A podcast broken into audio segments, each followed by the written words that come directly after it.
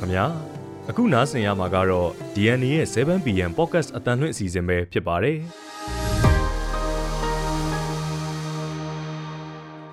ဒီကနေ့အော်တိုဘာလ10ရက်နေ့ရဲ့ Podcast အတန်လွင့်အစီအစဉ်မှာတော့ထိုင်းမှာတမ်မတ်ကြီးဟောင်းအသက်ခံရမှုအတွက်မြန်မာလူငယ်တဦးဝရမ်းထုတ်ခံရတဲ့အကြောင်းလိုင်ဇာမြို့အနီးကစစ်ဆောင်စခန်းတိုက်ခိုက်ခံရလို့လူ30နီးပါးသေဆုံးတဲ့တဲ့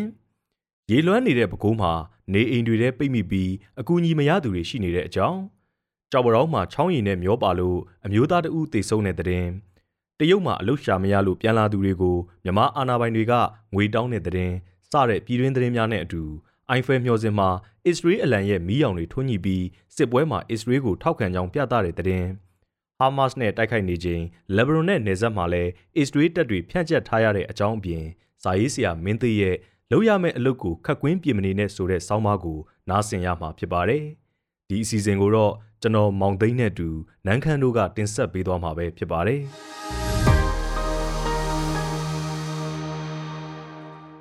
အခုပြည်တွင်းသတင်းတွေကိုတင်ဆက်ပေးပါမယ်ရှင်။ပထမအဆုံးပြောပြချင်တဲ့အကြောင်းကတော့ထိုင်းမှာတပ်အမတ်ကြီးဟောင်းအသက်ခံရမှုအတွက်မြန်မာလူငယ်တဦးဝရမ်းထုတ်ခံရတယ်ဆိုတဲ့အကြောင်းပါ။ ထိုင်းနိုင်ငံပန်းကောက်မြို့မှာအငိမ့်စားတန်အမတ်ကြီးဟောင်းတဦးအသက်ခံရမှုအတွက်ထိုင်းရဲတွေကမြန်မာလူငယ်တဦးအလိုရှိနေကြောင်းဝရမ်းထုတ်လိုက်ပါတယ်။ဒိမတ်နိုင်ငံဆိုင်ရာထိုင်းတန်အမတ်ကြီးအဖြစ်အမှုထမ်းခဲ့မှုသူအသက်63နှစ်အရွယ်ဝီချစ်ဝီချစ်မန်ရဲ့အလောင်းကိုပြီးခဲ့တဲ့သတင်းပတ်ကုံကမှရှာတွေ့ခဲ့တာပါ။သူဟာပန်ကောက်မြို့ချာတူရက်ရက်ကွက်ကနေအိမ်အတွင်းဓာတ်တန်ရာတွေနဲ့တေးဆုံးနေတာလို့ရဲတွေကပြောပါတယ်။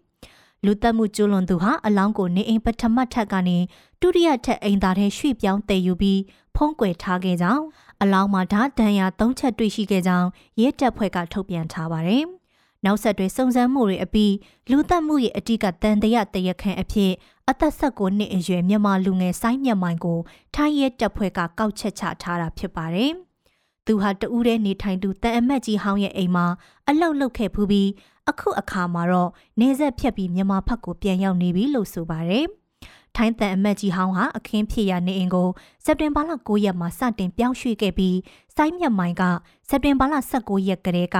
နေအိမ်မုံမှန်ပြီးစေးတုပ်ဖို့လာရောက်အလုပ်လုပ်ပေးနေတယ်လို့ဆိုပါတယ်။မူလကတည်ဆုံးသူရဲ့မိုဘိုင်းဖုန်းတွေတက်ဘလက်ကွန်ပျူတာတွေပျောက်ဆုံးနေတာကြောင့်တမျှတိုက်လူသက်မှုအဖြစ်ရဲတွေကယူဆခဲ့ပါတယ်။ဒါပေမဲ့ဆိုင်းမြတ်မှန်ကလူတက်မှုဖြစ်ပွားရာနေအိမ်နဲ့တိတ်မဝေးတဲ့ စူပါမားကတ်တစ်ခုရဲ့ ATM ကနေကနန်း6လုံးစာလောက်ရှိတဲ့ထိုင်းပတ်ငွေတွေထုတ်ယူသွားကြောင်းစုံထောက်တွေကခြေရခံမိလာတယ်လို့ထိုင်းနိုင်ငံအခြေစိုက်သတင်းတွေကဖော်ပြပါတယ်။ဒုတိယသတင်းတစ်ပုဒ်အနေနဲ့လိုင်ဇာမြို့အနီးကစစ်ဆောင်စကန်တိုက်ခိုက်ခံရလို့လူ30နီးပါးသေဆုံးတဲ့သတင်းကိုပြောပြပေးပါမယ်။ KIO ဌာနချုပ်တည်ရှိရာကချင်ပြည်နယ်လိုင်ဇာမြို့အနီးကမုံလိုင်ခတ်စစ်ဆောင်စခန်းကိုစစ်ကောင်စီကမနေ့ည7:00နာရီခွဲလောက်မှာလက်နက်ကြီးနဲ့ပစ်ခတ်ခဲ့တာကြောင့် ကလေးငယ်တွေအပါအဝင် လူဦးရေ30နီးပါးသေဆုံးသွားတယ်လို့ဒေသခံတွေကပြောပါတယ်။ညဘက်အိတ်ဆက်နေကြချိန်မှာလက်နက်ကြီးကြီးကြားရောက်ပောက်ကွဲတာဖြစ်လို့ကလေး73အပါအဝင် လူဦးရေ30လောက်သေဆုံးတယ်လို့ကနအူးအချက်လက်တွေကဆိုထားပြီးမိသားစုလိုက်သေဆုံးသူတွေလည်းရှိတယ်လို့သိရပါတယ်။အဲ့ဒီတိုက်ခိုက်မှုနဲ့ပတ်သက်လို့လက်နက်ကြီးနဲ့ပစ်ခတ်ခံရတာဒါမှမဟုတ် drone နဲ့ပုံကျဲခံရတာလို့ KIA ဘက်ကယူဆထားပါတယ်။ ဒါအပြင်ဒဏ်ရာရသူ56ဦးအနက်44ဦးကိုစေကူတာပေးနေရတယ်လို့ KIA ပြောခွင့်ရဗိုလ်မှူးကြီးနော်ဘူးကပြောထားပါတယ်။ဒါဟာအရက်သားတွေကိုအစုလိုက်တေးစေနိုင်တဲ့ဘုံသီးနဲ့ကျဲချတိုက်ခိုက်မှုဖြစ်တယ်လို့လည်းသူက DNA ကိုပြောပါတယ်။အခုတိုက်ခိုက်ခံရတဲ့မုံလိုင်ခက်ရွာဟာနှစ်ပေါင်း40ကျော်တက်တန်းရှိတဲ့ရွာဖြစ်ပြီးတရုတ်နိုင်ငံဘက်ထွက်ပေါက်ကိုတွားရလမ်းကရွာလည်းဖြစ်ပါတယ်။ အဲ့ဒီရွာမှာ2011ခုနှစ်စစ်တပ်နဲ့တကြောပြန်စစ်ပွဲစတင်ချိန်ကစစ်ရှောင်းတွေနဲ့အခုနှစ်ဇူလိုင်လအတွင်းဖြစ်ခဲ့တဲ့နန်ဆန်ယမ်လကြားယန်ဒေသကတိုက်ပွဲတွေကြောင့်ထွက်ပြေးလာသူတွေနေထိုင်ကြတယ်လို့ဒေသခံတွေကပြောပါတယ်။ဒီနေရာဟာ KIA စစ်တပ်တွေစစ်ဘက်ဆိုင်ရာအဆောက်အဦတွေနဲ့2မိုင်ကျော်3မိုင်လောက်ဝေးတဲ့နေရာဖြစ်ပြီးစစ်ရှောင်းတွေနဲ့ဒေသခံတွေပြုတ်သိပ်နေထိုင်တဲ့နေရာဖြစ်တယ်လို့လည်းဆိုကြပါဗျ။ဆက်လက်ပြီးပြောပြချင်တဲ့အကြောင်းကတော့ရေလွမ်းနေတဲ့ပကိုးမှာနေအိမ်တွေထဲပိတ်မိပြီး အကူအညီမရသူတွေရှိနေတယ်ဆိုတဲ့အကြောင်းပါ။ရေကြီးရေရှမ်းမှုနဲ့ကြုံနေရတဲ့ပကိုးမြို့မှာလူမှုကယ်ဆယ်ရေးအဖွဲ့တွေအင်အားရာနဲ့ချီရောက်ရှိကူညီပေးနေကြပေမဲ့ရေပေးတဲ့သူအလုံးကိုမလွမ်းခြုံနိုင်သေးတာကြောင့်နေအိမ်တွေထဲပိတ်မိပြီးအကူအညီမရကြသေးတဲ့သူတွေရှိနေတယ်လို့မြေပြင်ကူညီရေးအဖွဲ့တွေကပြောပါတယ် ရက်ကွက်ကြီးရွာတွေပိတ်မိနေတဲ့သူတွေကိုဒီကနေ့မှာလူမှုကယ်ဆယ်ရေးအသင်းတွေပရဟိတအဖွဲ့အစည်းတွေမိသက်တပ်ဖွဲ့ဝင်တွေကဦးစားပေးအနေနဲ့ရှာဖွေကယ်ဆယ်ရေးလုပ်ငန်းတွေဆက်လက်ဆောင်ရွက်နေကြတယ်လို့ဆိုပါတယ်။အိမ်တွေထဲပိတ်မိနေကြတဲ့သူတွေကရင်းနဲ့အစားအစာအကူအညီလိုအပ်နေတဲ့အကြောင်းလူမှုကွန်ရက်ပေါ်ကနေအသိပေးတောင်းဆိုကြတာမျိုးတွေလည်းတွေ့နေရပါတယ်။မိုးတဲထန်မှုကြောင့်ပဲခူးမြစ်ရေစိုးရင်ရေမှတ်ကျော်လွန်ပြီး ပဲခူးမြို့နယ်တစ်ခုလုံးနီးပါးအော်တိုဘာလ10ရက်ကစပြီးတော့ရေကြီးရေရှမ်းခဲ့တာဖြစ်ပါတယ်။ဒီချိန်ကြီးကြောင့်လက်ရှိမှာလူဦးရေ3000နီးပါးခိုးလုံရေးစခန်းတွေမှာယာယီနေထိုင်နေကြရတယ်လို့လူမှုကူညီကယ်ဆယ်ရေးလုပ်ကိုင်နေတဲ့သူတွေက DNA ကိုပြောထားပါတယ်။ဒါအပြင်ဒီကနေ့မနက်ပိုင်းမှာလဲပဲခူးမြို့တွင်မှာရေကတိတိတသားကျဆင်းမသွားသေးပဲစိုးရင်ရေမတ်အထက်မှာဆက်ရှိနေသေးတယ်လို့သိရပါတယ်။အခုရေးကြီးရေရှမ်းမှုဖြစ်စဉ်အတွင်း ပဲခူးမြို့မော်ကန်ရက်ကွက်မှာနေထိုင်တဲ့အသက်60အရွယ်အမျိုးသားတဦးရေနစ်သေဆုံးခဲ့ပြီးနေအိမ်အဆောက်အုံလန်တရာတွေဟာလည်းပျက်စီးဆုံးရှုံးတာရှိပေမဲ့အခြေအနေအသေးစိတ်ကိုတော့မသိနိုင်သေးဘူးလို့မြေပြင်ကူညီရေးအဖွဲ့တွေကပြောကြပါဗျ။နောက်ထပ်သတင်းတစ်ပုဒ်အနေနဲ့ကြော်ပရောင်းမှာချောင်းရည်နဲ့မျောပါလို့အမျိုးသားတဦးသေဆုံးတဲ့အကြောင်းကိုပြောပြပေးပါမယ်။မန္တလေးတိုင်းကြော်ပရောင်းမြို့နယ်မှာချောင်းရည်ကြခြင်းလမ်းဖြတ်ကူးရာက အမျိုးသားတဦးမျောပါတည်ဆုံးသွားတယ်လို့မိသက်ဌာနနဲ့ဒေသခံလူမှုကူညီရေးအဖွဲ့တွေကအသိပေးထားပါတယ်။ကြော်ပရောင်းမြို့နယ်ဆယ်ပေါက်ကျေးရွာအနီးကရေကျော်ချောင်းတွင်ချောင်းရည်ကြခြင်းမနေ့ကညနေပိုင်းမှာလမ်းဖြတ်ကူးခဲ့တဲ့အမျိုးသားတဦးချောင်းရည်နဲ့မျောပါသွားခဲ့တာပါ။အဲ့ဒီအမျိုးသားကိုကယ်ဆယ်ရေးအဖွဲ့တွေကလိုက်လံရှာဖွေခဲ့ကြပေမဲ့ဒီကနေ့မနက်ပိုင်းမှာမှလဲခွကြေးရွာနဲ့ကုန်းတဲကြေးရွာကြားမှာရုပ်လောင်းပြန်တွေ့ခဲ့တာလို့ဖြစ်စဉ်ကိုကူညီပေးခဲ့တဲ့သူကတိရှင်နာယီကူညီမှုအသင်းကပြောပါတယ်။ ရေစီးနဲ့မျောပါတည်ဆုံးသွားသူဟာဆယ်ပေါက်ရွာကအသက်68နှစ်အရွယ်ဦးတန်းဝင်းဆိုသူဖြစ်တယ်လို့သိရပါတယ်။ဆက်လက်ပြီးတော့တရုတ်မှာအလုရှာမရလို့ပြန်လာကြတဲ့သူတွေကိုမြန်မာအာဏာပိုင်တွေကငွေတောင်းနေဆိုတဲ့အကြောင်းကိုပြောပြပေးပါမယ်။မူဆယ်နယ်စပ်ကနေတရုတ်နိုင်ငံပတ်ဝင်ပြီးအလုတ်လုတ်ဖို့ကြိုးစားပြီးမဲ့အလုတ်ရှာမရတာကြောင့်မြန်မာနိုင်ငံထဲပြန်လာကြတဲ့သူတွေကိုစကောင်စီလက်အောက်ခံဌာနဆိုင်ရာဝန်ထမ်းတွေကအပြစ်ရှာပြီးငွေပေးမှပြန်ဝင်ခွင့်ပေးတယ်လို့ ကိုယ်တိုင်ကြုံတွေ့နေရတဲ့သူတွေကပြောကြပါဗျ။တရုတ်မြန်မာနိုင်ငံနယ်စပ်ကနေခုနှစ်ရက်နေထိုင်ခွင့်သက်တမ်းရှိတဲ့ TPP ကတ်နဲ့ပြန်လည်ဝင်ရောက်ခွင့်ပြုပြီးတဲ့နောက်မြန်မာအလုတ်သမားအများအပြားတစ်ဖက်နိုင်ငံတွေကိုဝင်ရောက်ခဲ့ကြပါတယ်။အဲ့ဒီလိုဝင်ရောက်ခဲ့ကြတဲ့သူတွေအနေနဲ့ TPP တက်တန်းကြော်တဲ့အထိတစ်ဖက်နိုင်ငံနဲ့နေထိုင်မိပြီးအလောက်ရှာမရအချိန်ပြည်တွင်းကိုပြန်ဝင်လာရမှာတော့ငွေညစ်ခံကြရတာလို့ဆိုပါတယ်။ TPP ကတ်နဲ့တရုတ်နိုင်ငံထဲဝင်သွားကြတဲ့သူတွေအများစုဟာရွှေလီမန်စီကျဲကောင်းစတဲ့တရုတ်မြို့တွေမှာအလုတ်အကင်ရှာဖွေကြတာဖြစ်ပြီးအလုတ်ရှာမရတာအလုတ်ပင်ပန်းလွန်းပေမဲ့လောက်ခလာစာနေတာတွေကြောင့်တချို့ကရက်လွန်နေထိုင်မိပြီးမှမြန်မာပတ်ချမ်းကိုပြန်ထွက်လာနေကြတာပါ ဒီလိုပြန်လာကြတဲ့သူတွေကိုတရုတ်ပတ်ချမ်းနေဆက်ကိတ်တာဝန်ရှိသူတွေကဖမ်းဆီးအရေးယူတာဒဏ်ကြီးရိုက်တာတွေမလုပ်ပေမဲ့မြန်မာဖက်ချမ်းစင်ပြူကိတ်နန်းတော်ကိတ်တို့က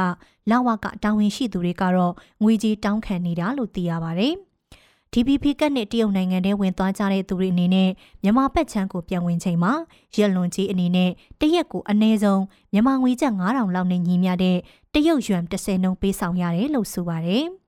ဒါအပြင်ငွေကြေးပေးဖို့အဆင်မပြေကြောင်းပြောလာတဲ့သူတွေကိုတရုတ်ပြည်တွေပြန်ဝင်ခွင့်မရအောင်ပြည်ဝင်ခွင့်ပိတ်တာဖမ်းဆီးအရေးယူတာတွေလုပ်မယ်လို့ချိန်ချောက်တာတွေရှိတယ်လို့ကိုရိုင်းကြုံခဲ့တဲ့အမျိုးသားတဦးကပြောပြပါဗျ။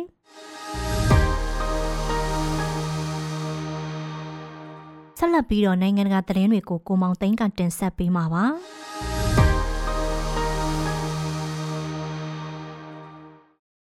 လက်ရှိဖြစ်ပွားနေတဲ့ဂါဇာစစ်ပွဲမှာအစ္စရေးဘက်ကထောက်ခံရည်တည်ကြောင်းပြသတဲ့အနေနဲ့ပြင်သစ်နိုင်ငံပါရီမြို့တော်ရဲ့အထင်ကရအဆောက်အုံကြီးဖြစ်တဲ့အိုင်ဖယ်မျှော်စင်မှာအစ္စရေးအလံရဲ့မီးရောင်တွေကိုထွန်းညှိထားပါတယ်။ဂါဇာအခြေစိုက်ဟာမတ်စ်ပျောက်ကြားတွေကအစ္စရေးပိုင်နက်ကိုကျူးကျော်တိုက်ခိုက်ပြီးစစ်ပွဲစတင်ခဲ့တဲ့နောက်နှစ်ရက်အကြာအောက်တိုဘာ9ရက်ညပိုင်းမှာအိုင်ဖယ်မျှော်စင်ကိုအစ္စရေးအလံရဲ့အဖြူနဲ့အပြာမီးရောင်တွေစတင်ထွန်းညှိပြထားတာဖြစ်ပါတယ်။ပြီးတော့ ဂျူးတွေရဲ့တင်ကေတာလို့ဆိုနိုင်တဲ့6000ကျယ်ကိုလည်းမျှော်စင်ရဲ့ကိုယ်ထဲမှာမီးရောင်နဲ့ပုံဖော်ထားပါတယ်။ပါရီမြို့တော်ဝန်ရုံးကဒီလောက်ရက်ဟာဟာမတ်စ်တွေရဲ့ကျူးကျော်ရန်လိုမှုကိုကြုံတွေ့ခံစားခဲ့ရတဲ့အစ္စရေးပြည်သူတွေနဲ့တသားတည်းယက်တီမှုကိုပါရီမြို့သားတွေကပြသတဲ့တင်ကေတာတစ်ခုလို့ထုတ်ပြန်ခဲ့ပါတယ်။အစ္စရေးအစိုးရကဟာမတ်စ်တွေရဲ့အလစ်တိုက်ခိုက်မှုကြောင့်အစ္စရေးတောင်ပိုင်းနယ်မြေတချို့ဆုံးရှုံးခဲ့ပြီးအစ္စရေးနိုင်ငံသား 600ကျော်သေဆုံးခဲ့တယ်လို့100ကျော်တစားကန်အဖြစ်ဖမ်းဆီးခံထားရကြောင်းကြေညာပါတယ်လက်ရှိမှာတော့အစ္စရေးဟာဂါဇာကဟာမတ်စီရေးပြစ်မှတ်တွေကိုလေကြောင်းကနေတုံ့ပြန်တိုက်ခိုက်နေတယ်လို့အစ္စရေးပိုင်တဲ့နယ်မြေအားလုံးကိုပြန်လည်ထိန်းချုပ်နိုင်ဖို့လဲတံပြန်ထိုးစစ်ဆင်နွှဲနေပါတယ်။ပြင်သစ်အပြင်အစ္စရေးရဲ့အဓိကမဟာမိတ်ဖြစ်တဲ့အမေရိကန်ပြည်ထောင်စု ပြည်တင်အစိုးရနဲ့ဥရောပသမဂ္ဂတို့ကလည်းစစ်ပွဲမှာဟာမတ်စ်ကိုရှုံချပြီးအစ္စရေးနဲ့တသားတည်းရက်တီကြောင်းအသီးသီးသဘောထားကြေညာချက်တွေထုတ်ပြန်ထားပါတယ်။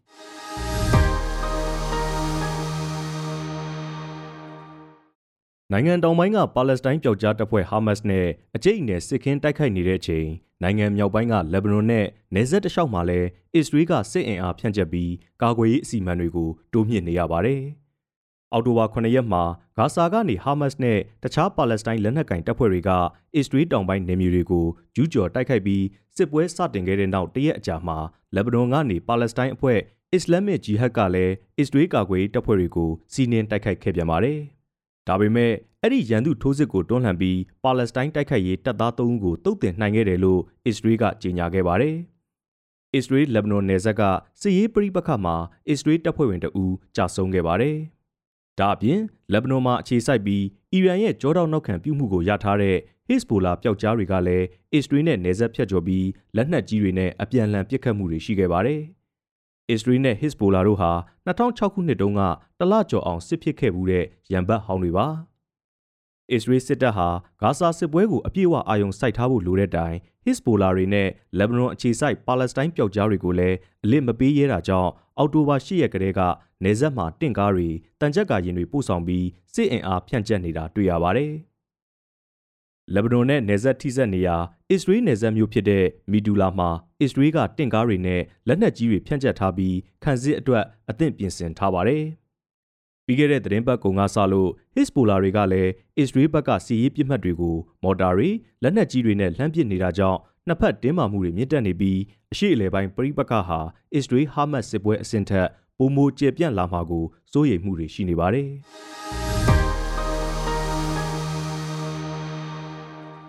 ။အခုဆက်လက်ပြီးစာရေးဆရာမင်းသေးရဲ့လောက်ရမယ့်အလုပ်ကိုခက်ကွင်းပြင်မနေနဲ့ဆိုတဲ့ဆောင်းပါးကိုနားဆင်ရမှာပဲဖြစ်ပါတယ်မင်္ဂလာပါ ကျွန်တော်မင်းသေးပါဒီနေ့တော့ကျွန်တော်ရေးသားထားတဲ့ဆောင်းပါးတွေတွေကကျွန်တော်ရဲ့အကျင့်ဗီဇာလေးတွေထဲမှာခက်ကွင်းပြင်တတ်တဲ့အကျင့်လေးတွေ weight that white တတ်တဲ့အကျင့်လေးတွေအကြောင်းရေးသားထားတဲ့ဆောင်းပါးတစ်ပုဒ်ကိုတင်ဆက်ချင်ပါတယ်ကျွန်တော်မင်းသေးပါလောက်ရမယ့်အလုပ်ကိုခက်ကွင်းပြင်မနေနဲ့ကျွန်တော်ငယ်တုန်းက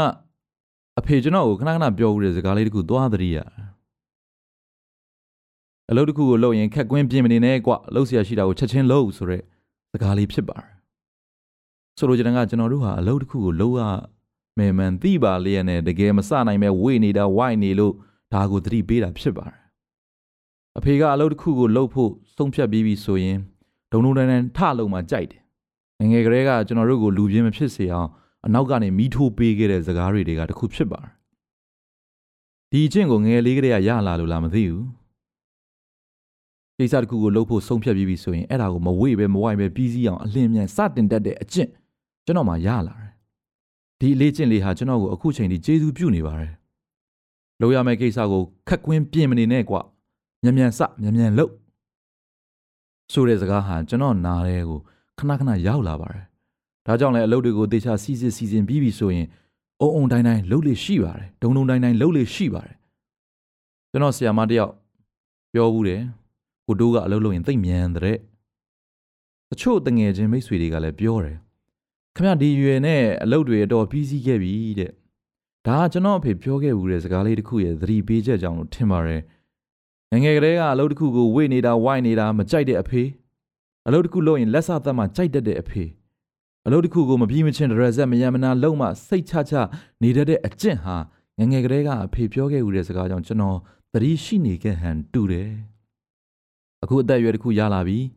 စာပေလုပ်ငန်းနဲ့သင်ကြားရေးလုပ်ငန်းတချို့နိုင်ငံရေးအလုပ်တချို့ကိုပြန်တွေးကြည့်ပြီးအခါမှာလုပ်ရမယ့်ကိစ္စတွေကိုခက်ခွင်းပြင့်မနေပဲအလင်းမြန်စတင်ပြီးလှုပ်တတ်တဲ့အကျင့်ဟာသူများတကာတဲ့ရှေ့တလန်းနှစ်လန်းမကရှေ့ကိုတိုးရောက်စေတဲ့တွန်းအားလို့နားလဲပါတယ်ကျွန်တော်အနေနဲ့အလုပ်တစ်ခုကိုလုပ်ဖို့အတွက်သေချာအနုလုံပဏိလုံ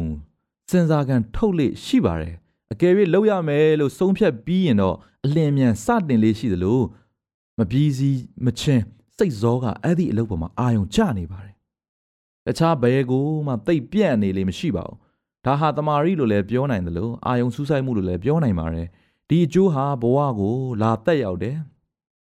တခါတည်းရန်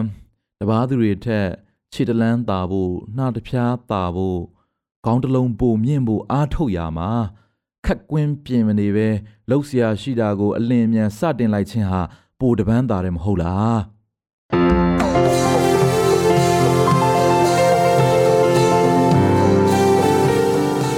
DNA ရဲ့ podcast အတန်လွှင့်အစီအစဉ်ကိုအပတ်စဉ်တနင်္လာနေ့ကနေတောက်ကြနေ့ည9:00နာရီတိုင်းမှာတင်ဆက်ပေးသွားမှာပဲဖြစ်ပါတယ်။ဒီအစီအစဉ်ကိုတော့ DNA ရဲ့ Facebook Page ကနေအပြင် Anchor, Spotify နဲ့ Google Podcast တို့တွေကနေတဆင့်လဲနားဆင်နိုင်ပါတယ်ခင်ဗျာ။